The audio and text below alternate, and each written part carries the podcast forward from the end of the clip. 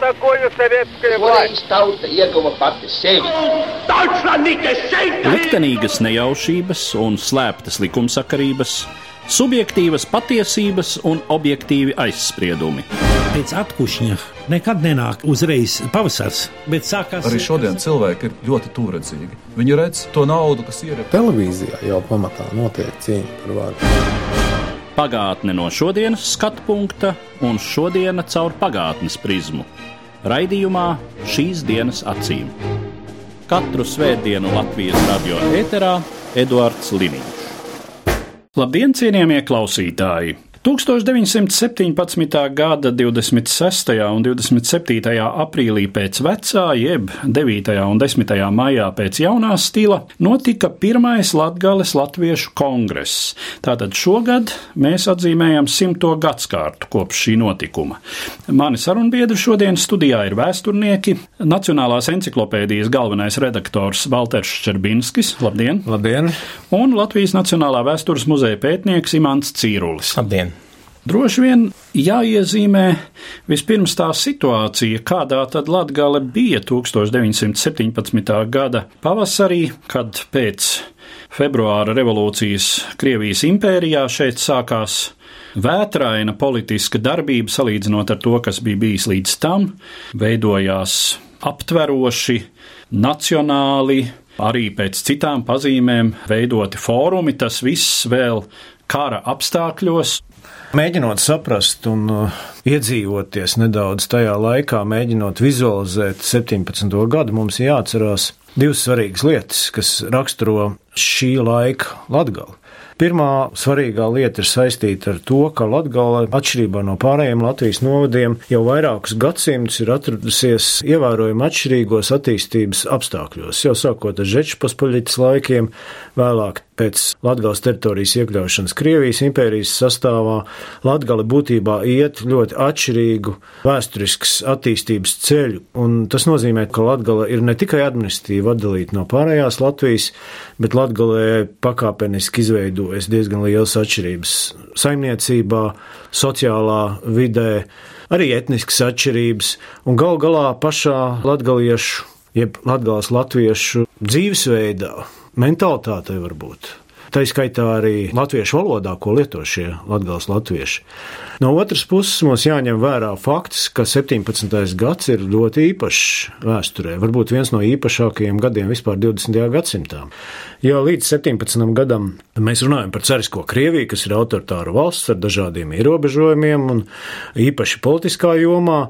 Tad 17. gadā sākumā februāra revolūcija paver vaļā slūžas un sākas ārkārtīgi rosīga, aktīva politiska darbība visos iespējamos virzienos, kas dažkārt vēsturniekiem ļauj runāt arī par tādu zinām 17. gada hausu Krievijā.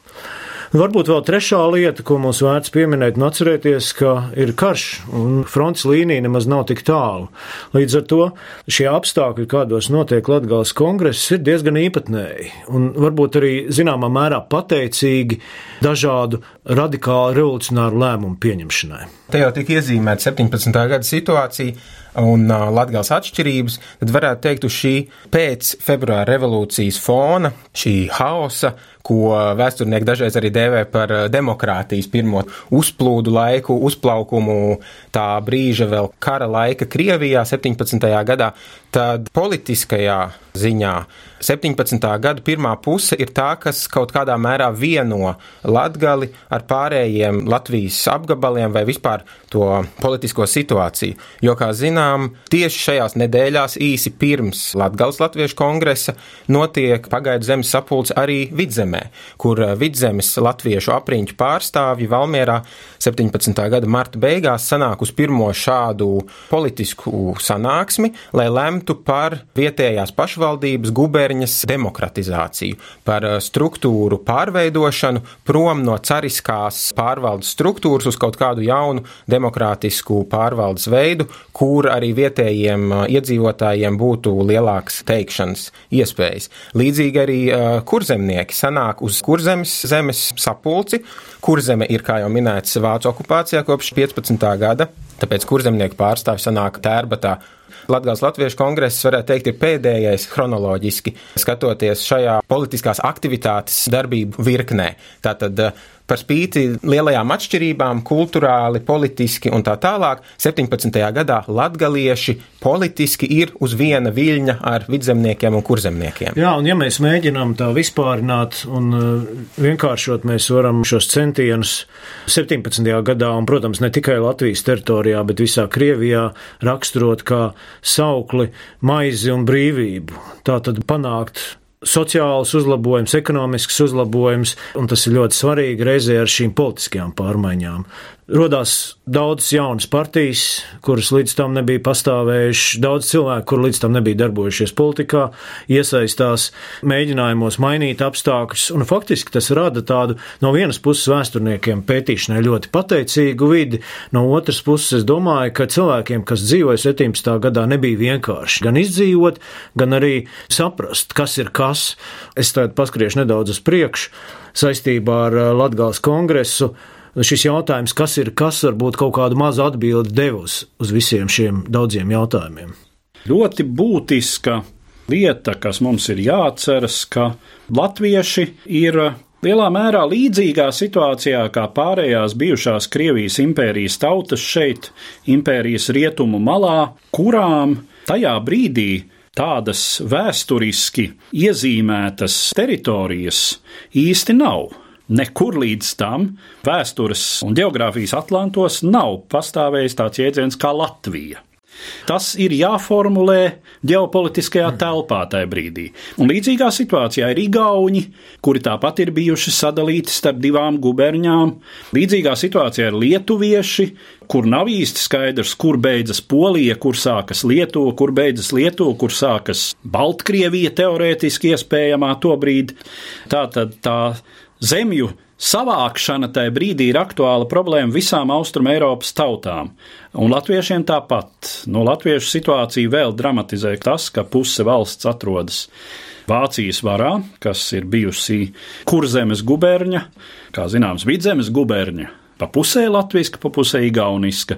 Un tur arī ir jāiezīmē šīs eh, robežu šķirtnes, kas igauniem tajā brīdī izdodas apelējot pie Krievijas pagaidu valdības, izdodas panākt to, ka Igaunu zemes jau tiek ietilpinātas vienā administratīvā vienībā. Nu, un tad Latgale kas ir daļa no Vitebskas guberņas. Un tur es saprotu, šo robežu iezīmēšana ir no dažādiem viedokļiem sarežģīta. Robežu novilkšana vienmēr ir sarežģīta, un īsti par Austrumēropu mēs nevaram šajā laikā runāt. Austrumēropa ir augstāk kara fenomens vairāk, bet Centrāla Eiropa, Ziemeļa Eiropa, arī Rietuma Eiropā robežas nav skaidrs Elzas un Lotringa vai tā ir Francija vai Vācija šajā laikā.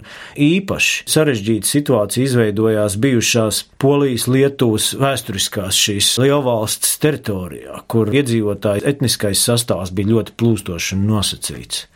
Šeit ir daži zināmie Polija, Lietuva, kas izveidojās pēc 17. gada, 18. gadā, ir skaidrs, ka būs šādas neatkarīgas valsts, kuru centrā ir šis etniskais nacionālisms, un tad ir lielā jautājuma zīme saistībā ar Baltkrieviju, kas notiks ar Baltkrieviju, un nu, mazāk jautājumu zīme attiecībā uz Ukrainu. Un, protams, ka Lietuvas jautājums ir jāplūko šajā kontekstā, šīs bijušās vēsturiskās kopības kontekstā, ļoti grūti novilkt robežas. No otras puses jāatcerās tomēr fakts, ka Latgala bija latviska. Neraugoties uz to, ka dažkārt jau runā par to daudznacionālismu un tā tālāk, bet Latgala bija īpaši šie lauku pagasti bija nu, diezgan stipri latviski. Tā kā nenovērtēsim arī par zemu šo latviskumu elementu Latgalē. Jā, šo fenomenu noteikti nedrīkst novērtēt par zemu. No otras puses, atkal mēs zinām, ka politiskajā tradīcijā, tas nozīmē juridiski, Latgales trīs apriņķi, Daugavpils, Reizeknes un Ludas apriņķi ir Vitebs guberņas sastāvdaļa, un tas, teiksim, cara vai attiecīgi jaunajai Krievijas pagaidu valdībai, tas ir izšķirošais. Ja salīdzinām latviešu tautas situāciju ar Igauņu situāciju 17. gada sākumā, tad tomēr ir būtiska atšķirība tā, ka Igauņu nacionālā pašapziņa jau 19. gadsimtā paralēli kā jaunatviešu gadījumā, ir nostabilizējusies. Igauniem gan Igaunijas guberņā, gan Vidzemes guberņas ziemeļu daļā ir pilnīgi skaidrs, ka viņi ir Igauņu nācijas sastāvdaļa. Robežas var būt tur, kur ir setu apdzīvotais apgabals, nav līdz galam skaidrs, bet pārsvarā nav vairs jautājumu. 17. gada sākumā Igauniem ir skaidrs, kur būs robeža, tā ies pa Valmieras apriņķu un Valkas apriņķa robežu, tā būs tā jaunā Igaunija, un Krievijas pagaidu valdība arī piekrīt jaunajam guberņu administrīvajam pārdalījumam. Latviešu gadījumā situācija sarežģīja apstākļus, ka Latvija tiešām varētu teikt gan juridiski, gan militāri ir trijās daļās sašķelta. Vidzem, kas ir vēl formāli Krievijas sastāvā, Kurzemes gubernija Vācu okupācijā un Latgale ar latvisko elementu laukos. Ar latvisko dominanci. Ar dominanci, jā, bet politiski un juridiski nepavisam nav skaidrs, kādu ceļu tas turpinās.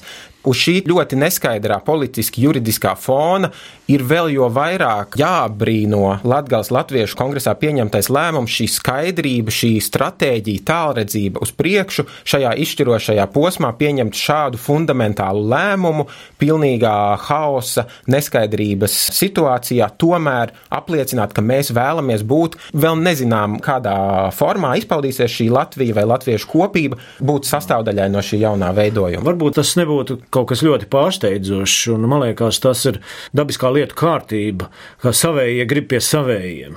Šī lēmuma, kas tika pieņemta Reizeknē, apliecināja to, ka šie cilvēki uzskatīja sevi piederīgiem pie latviešu sabiedrības. Un līdz ar to tas lēmums ir loģisks, tas ir likumsakarīgs. Drīzāk varbūt šis lielais atbalsts šim lēmumam ir savā ziņā pārsteidzošs latgaliešu politiskā elite jau pirms Pirmā pasaules kara ļoti aktīvi sadarbojās ar baltiešiem, sauksim tos tā. Mums vienmēr tie termini no sākuma jāprecizē. Un uh, gan Pēterburgā, gan Rīgā šī sadarbība notika gan kultūras vidē, gan arī politiski. Tā kā tas nebija nekas absolūti revolucionārs. Tomēr, ja mēs iezīmējam tās iespējamās alternatīvas un tos iespējamos argumentus, kādam citam latgales statusam tajā brīdī. Tas virziens, kas nodarbojas ar alternatīvo vēsturi, man ļoti nepatīk. Man liekas, tā ir tāda tukša runāšana. Bet no otras puses, protams, ir iespējami dažādi risinājumi. Bet es domāju, ka lielā mērā šis mums, gan latgaliešiem, gan baltiešiem, labvēlīgais risinājums, kas rezultējās tādu lēmumu pieņemšanā, kāds tika pieņemts un beigās tika izveidota mūsu valsts, lielā mērā ir saistīts ar ļoti labvēlīgiem politiskiem, militāriem apstākļiem, kādi bija izveidojušies reģionā. Tanī pašā laikā jāatcerās, ka pastāvēja dažādi citi spēki, kas centās īstenot savus plānus. Pirmkārt, spēkā 17. gada nogalē pieņēmās lielnieku virziens, kuru plāni nebūtu nesakrita ar latviešu sabiedrības vairākuma interesēm. Pastāvēja, protams, arī e, Baltie Krievi, kas nebūtu pieļāvuši nekādas autonomijas, nekādas administratīvas pārdalīšanas teritorijā. Gal galā mēs nevaram izslēgt arī vācu faktoru, un vācu armija ir vienīgais nopietnais militārais spēks reģionā. Ir arī 18. gadā Pirmā pasaules kara uzvarētāja, Britu un Franču intereses, amerikāņu intereses. Un man liekas, tā lielā politiskā gudrība gan mūsdienās, gan arī pagātnē, arī 17. gadā ir saistīta ar spēju paredzēt šo spēku sadalījumu un atrast šajā lielajā spēku sadalījumā un, un īstenot savas egoistiskās intereses, kādas mums katram kā cilvēkam ir, un katrai tautai ir šādas intereses, un tie gaišredzīgākie politiķi spēja saprast kurā virzienā mums jāiet, lai mēs izvilktu to stiprāko kārti. Un 17. un 18. gadā tas izdevās. Un runājot tieši par šīm politiskajām alternatīvām, pašu latgaliešu skatījumā, 17. gada pirmajā pusē, mēs labi varam to novērot Latgales Latviešu kongresa sagatavošanas gaitā. Francis Trasuns, kurš ir, varētu teikt, visredzamākais no šīs idejas atbalstītājiem, iniciatoriem un bīdītājiem arī praktiski, jau 1916. gadā ir izstrādājis tādu tautas apvienošanas vai vienības platformu, kā tā tiek dēvēta dažreiz, kur skaidri pateikts, visas latviešu apdzīvotās teritorijas viņām būtu jāapvienojas šādā vai tādā politiskā vienībā. Latvieši visi kopā par spīti atšķirībām veido vienu tautisku vienību, un šis ir arī tas ideja ideoloģiskais pamats, uz kura tiek veidota kongresā pieņemtā rezolūcija. Par tiem praktiskajiem soļiem jau 16. gada decembra beigās, tas nozīmē vēl pirms februāra revolūcijas. Petrogradā sapulcējas aktīvākie latgaliešu sabiedriskie darbinieki, kuri arī nolēma, ka būtu jāmeklē ceļi, kā panākt latgales apvienošanos ar pārējiem latviešu novadiem. Tajā brīdī tas praktiski nozīmē vidzemi. Arī 17. gada marta beigās, kad ir pirmā konkrēta kongresa plānošanas fāze, Petrogradā sapulcējuši 66 latgaliešu inteliģents pārstāvji, strādniecība no strēlniekiem arī ir pārstāvji. Marta beigās varētu teikt, jau izkristalizējas šī vēlākā plaisa sašķeltības starp dažādām politiskām alternatīvām, starp redzējumiem.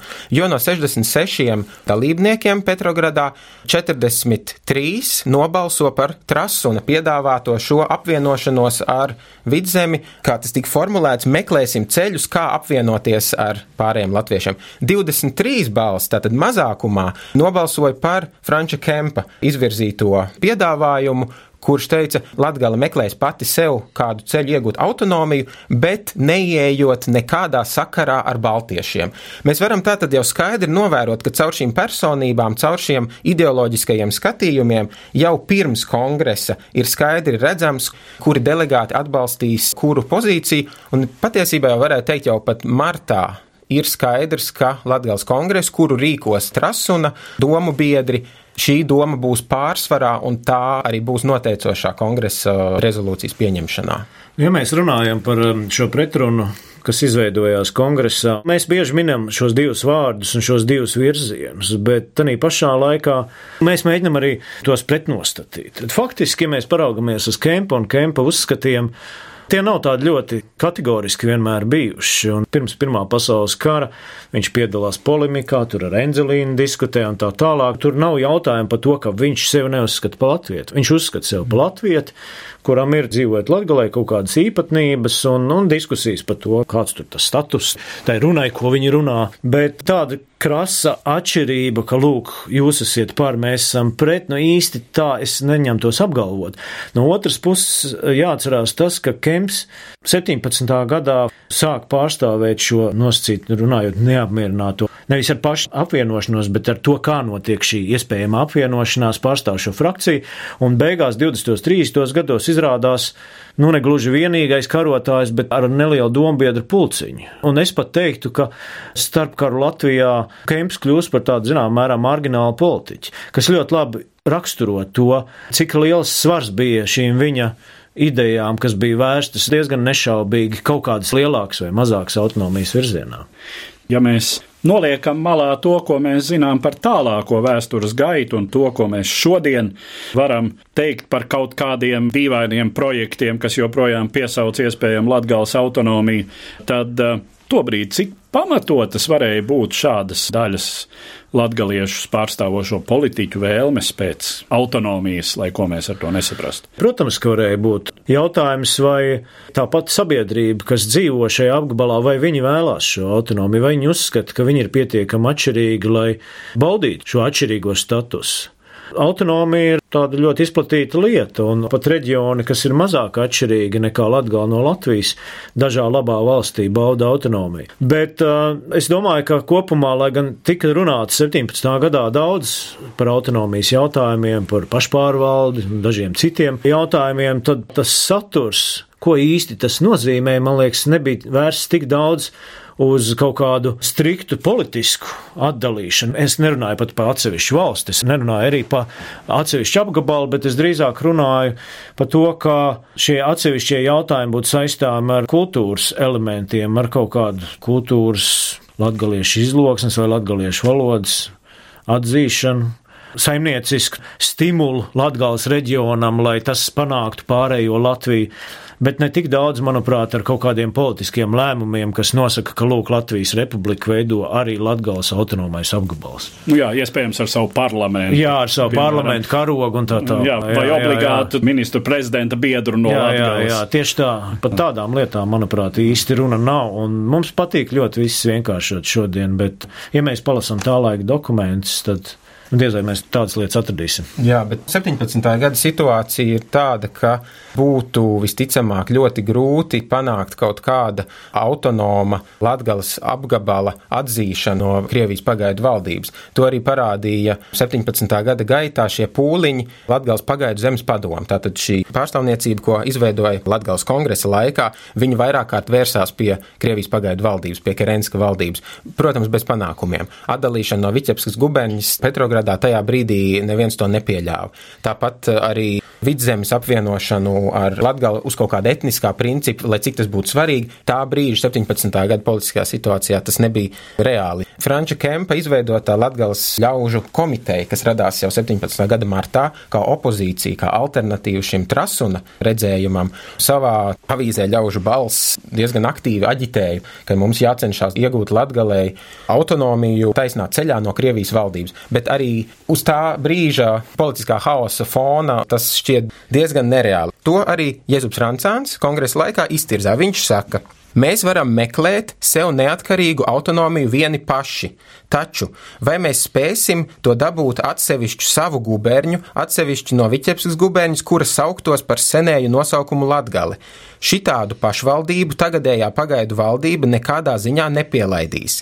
Tādēļ šīs ceturdaļas Viķepskas guberņas daļai būtu jāizdod jauni likumi, jāuzstāda jauna guberņas iekārta, tas prasa jaunus naudas izdevumus. To tagadējā pagaidu valdība nespēja darīt. Tādēļ sapņot par latgales ķēnisti, kura sastāvētu no trim apgabaliem, šiem trim apriņķiem, ir tukša cerība.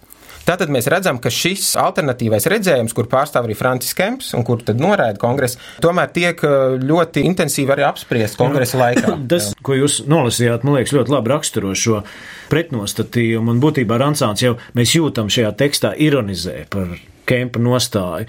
Un tik tiešām šī Kempa nostāja bieži vien ir varbūt pat apzināti radikālāk padarīt nekā viņš pats domāja. Viņš, teiksim, mēģina panākt mazumu, bet prasīt maksimumu. Mm. Domājot par Latgali tajā brīdī, kā ir ar pārējiem tur dzīvojošiem, jā, mēs sakām latviska dominante, tajā pašā laikā mēs zinām, ka etniskā sastāvu ziņā tomēr tas ir nesalīdzināmi raibāks nekā pārējās divās latviešu guberņās vai novados, sevišķi, ja mēs runājam par pilsētām. Latgalē, tad tur tā latviskā elementa ir salīdzinoši maz tai pašā Rēzeknē. Un cik var noprast, tad eh, kongresa norises laikā to pat mana, ka Rēzeknē ir tāds nelatvisks elements, kurš labprāt te ar fizisku spēku izmestu tos latgales latviskošanas alcējus no pilsētas, kuru viņa acīm redzot uzskata par savējo. Ir skaidrs, ka Latvijas etniskais sastāvs ir relatīvi raips, un eh, katrai etniskai grupai ir savus redzējumus par nākotni pēc 17. gada. Bet arī pašā laikā jāatcerās, ka pirmkārt šīs minoritātes nav vienotas, un tās tomēr gal galā ir minoritātes, mazākums. Otrakārt, 17. gada apstākļi pašu minoritāšu ietvaros neļauj bieži vien runāt par tādu vienotu monolītu nostāju, jo nāk lielinieki, un lielinieki meklē atbalstītājs visās etniskās grupās. Ir skaidrs, un to parāda vēlākie notikumi, ka Krievi nav īpaši ieinteresēti Latvijas kongresa uzstādījumos un aicina palikt Vitebiskas guberņas sastāvā. Poļu attieksme, un to mēs varam kongresā redzēt, ir pozitīvāka, bet eh, tomēr es domāju, kopumā tas, kas valda, ir diezgan liela neskaidrība. Nav pārliecība par to, kas būs tas ceļš, un gal galā arī pašā kongresā tiek pieņems lēmums, ka mēs uzskatām sevi par vienotas latviešu tautas sastāvdaļu, un mēs gribam, lai mūsu administratīvi apvieno, bet tas galvenais vārds ir šeit mēs gribam. Nevis ar šo brīdi mēs esam apvienoti. Līdz ar to daudzas lietas ir tādā vēlējuma izteiksmē, un ir diezgan grūti analizēt minoritāšu reakciju uz šādu rīcību. 18. gada 18. novembrī jau mēs varam daudz konkrētāk analizēt, kāda ir vienas vai otras minoritāšu grupas vai to elišu attieksme pret neatkarīgo valsti kongresa laikā tiek izveidota Latvijas pagaidu zemes padome. Un uh, viens no galvenajiem uzdevumiem šai padomei ir gatavoties plānotajām zemes padomas vēlēšanām, kas būs pašvaldības iestāde guberņā vai attiecīgi Latgalē. Un Šīs padomas ietveros izveidot aģitācijas un propagandas nodaļa, kur ļoti izceļas divi šīs nodaļas vadītāji, Staņislavs Kambala un Jānis Rubuls, kurš jau pazīstams kā latgaliešu sekcijas vadītājs Iskola, Strelā, strēlnieku iedvesmotājs. Un šī propagandas un aģitācijas nodaļa 17. gada gaitā vasarā sevišķi izvērš aktīvu darbību Latgales pagastos. Viņi varētu teikt, ir pirmie latgaliešu politiķi, kuri tiešā veidā vēršas pie latgales zemniekiem. Viņi apbraukā pagastus, rīko mītiņus, kur atbild uz politiskiem jautājumiem. Šī darbība nes augļus 17. gada laikā, kad uh, notiek dažādas vēlēšanas, pagastu, apriņķu, pilsētu zemstu vēlēšanas, jaunie mieru tiesneši tiek ievēlēti. Latgals pagaidu zemes padomas aģitācijas nodaļas darbība, tāda miermīlīga aģitācijas darbība, noved pie tā, ka šais demokrātiskajās vēlēšanās ļoti daudzās pārvaldes institūcijās tiek ievēlēti tieši etniskie latvieši. Latgals latvieši, kas darbojās Latgals pagaidu zemes padomē. Tātad šī etniskā doma 17. gada Latgals sabiedrībā, zemnieku sabiedrībā, kas pirms tam varbūt ir bijusi ne tik ļoti ieinteresēta šajos politiski nacionālos jautājumos, pirmo reizi aktivizējas. Protams, ka īsti pareizi nav, ja mēs paraugamies uz to, kas vēlāk notika un mēģinam izdarīt kādus spriedumus pa 17. gadu, bet man tā vien gribās 19. un 20. gadu nedaudz aplūkot. 19. gada beigas, 20. gada sākums ir laiks, kad Latvijas armija atbrīvo Latgali no lielniekiem un veido valsts pārvaldes aparātu Latgalē. Un vai, vai, vai, ziniet, nav viegli izveidot Latvijas valsti Latgales apriņķos, bet arī pašā laikā šīs grūtības tiek pārvarētas relatīvi īsā laika brīdī, dažos gados, un izveidojās pavisam jēdzīgas iestādes, kas pilda savas funkcijas, un gal galā 20. gadu nogalē jau situācija ir pavisam laba. Bet tas, ko es gribu teikt, ir saistīts ar tiem cilvēkiem, kas dzīvo Latgalē, jo kolēģi šeit pieminēja par šiem miertiesnešiem, un ir svarīgi, ka tie cilvēki, kas īsteno šīs teritorijas pārvaldīšanu, viņi nav pret šo ideju Latvijas apvienošanu, Latvijas izveidošanu, jo ja, šī vietējā elite, vidusšķira, vai arī liela sabiedrības daļa nezina neko par šo ideju. Un uztver to ar aizdomām un bailēm vai ar nepatiku, tad nekas no tā parasti nesanāk ja vien jums nav kaut kāds ļoti liels militārs spēks. Un 18. gadā bija ļoti sarežģīti visai Latvijas sabiedrībai pierādīt, kas ir pagaidu valdība un kāda ir tās mērķi, un vēl sarežģītāk tas bija Latgalē. Bet pateicoties tam, ka 17. gadā bija pieņemts šis lēmums, un liela daļa latgaliešu politisko aktīvistu darbojās roku rokā, Rubulis, Kambala, Trasons un citi. Viņi bija tie, kas stāstot par pagaidu valdību vērsās pie Ludzas vai Ciblas zemnieka, un tad šī komunikācija ir pavisam savādāka. Rezumējot mūsu sarunu un izdarot tādus vispārīgākus secinājumus, nu Latgale ir tā Latvijas daļa, kas liek mums domāt par to, kā vispār veidojas nācija un eh, kas ir tie pašidentifikācijas elementi, kas tai vai citai nācijas daļai liek tapt par veseluma daļu. Kultūras atšķirības, reliģijas atšķirības mēdz sadalīt un pa šīm šuvēm saplīst valodiski it kā monolītas nācijas. Teiksim, serbu, horvātu valoda ir praktiski vienota. Ļoti līdzīgā valodā runā gan serbi, gan horvāti, gan uh, Bosnijas musulmaņi, bet uh, mēs redzam šīs ārkārtīgās atšķirības, kuras rada reliģija un kultūra. Ja tomēr Latgale ir kļuvusi par Latvijas sastāvdaļu, tad droši vien mums ir jāsacina, ka šeit tas kultūras elements kaut kur pamatos ir bijis vienots. Tas, protams, jautājums ir par identitāti. Un identitāte tā ir izpratne par to, kas mēs esam. Un šī kopīgā identitāte ir pastāvējusi. Nu, nav jau nevienas sabiedrības, nevienas nācijas vai tautas, kas būtu tāda ļoti monolīta, un varbūt īslandieši ir vienīgie. Kopīgas iezīmes, protams, ir, un es īsti negribētu piekrist, ka tā nav valoda. Man liekas, valoda ir ļoti svarīga. Valoda šodien mums ir tas centrālais un galvenais. Protams, ir arī kaut kāda vēsturiskā identitāte, izpratne, kas mēs bijuši un svarīgos notikumos mums ir vairāk vai mazāk līdzīgi uzskati visiem latviešiem. Es domāju, ka reliģija tieši mūsu reģionā ir bijusi relatīvi maznozīmīga. Nu, pateicoties, protams, arī protestantismam, kas ir diezgan liberāls. Atšķirības krāšņo un stiprina tautu. Runājot par 17. gadu un to, kas ir nācija, kas veido nāciju, tad Latvijas gadījumā laikam tas izšķirošais ir vēlme. griba būt kādas politiskas nācijas sastāvdaļai. Par tām atšķirībām runājot, Latgaliešu inteliģenti, šie sabiedriskie darbinieki, viņi ļoti labi apzinās, ka starp latgaliešiem un pārējiem latviešiem tajā laikā, pirms simts gadiem, pastāv gandrīz katrā jomā, gandrīz katrā dzīves sfērā milzīgas atšķirības.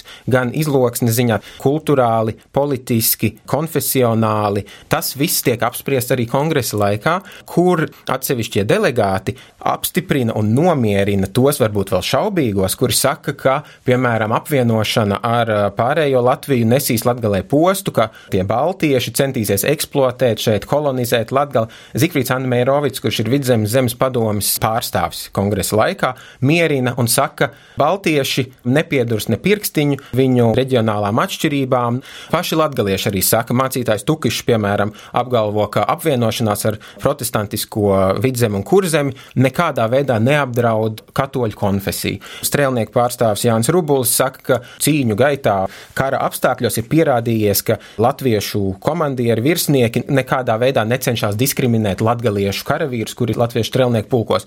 Tas pats Francis Trasuns vēlreiz un vēlreiz atkārto, ka ir vajadzīga apvienošanās par spīti šīm atšķirībām, kuras ir acīm redzamas un pastāv jebkurā jomā. Tātad es teiktu, atbildot uz jautājumu, kas ir nācija, kas to veido, tad Latgales kongress ir izcils piemērs tam, ka nācija balstās nevis uz kaut kādiem dabiskiem, it kā dieva dotiem kaut kādu kopību, bet gan uz skaidru apziņu un skaidru politisko gribu. Ar tādu secinājumu tad es arī gribētu noslēgt mūsu šodienas raidījumu, kas bija veltīts pirmajam Latgales Latviešu kongresam 1917. gadā, un saku paldies maniem sarunbiedriem, vēsturniekiem, Nacionālās encyklopēdijas galvenajam redaktoram Valteram Ščerbinskim un Latvijas Nacionālā vēstures muzeja pētniekam Imantam Cīrulim. Katru svētdienu Latvijas radio viens par pagātni sarunājas Eduards Liniņš.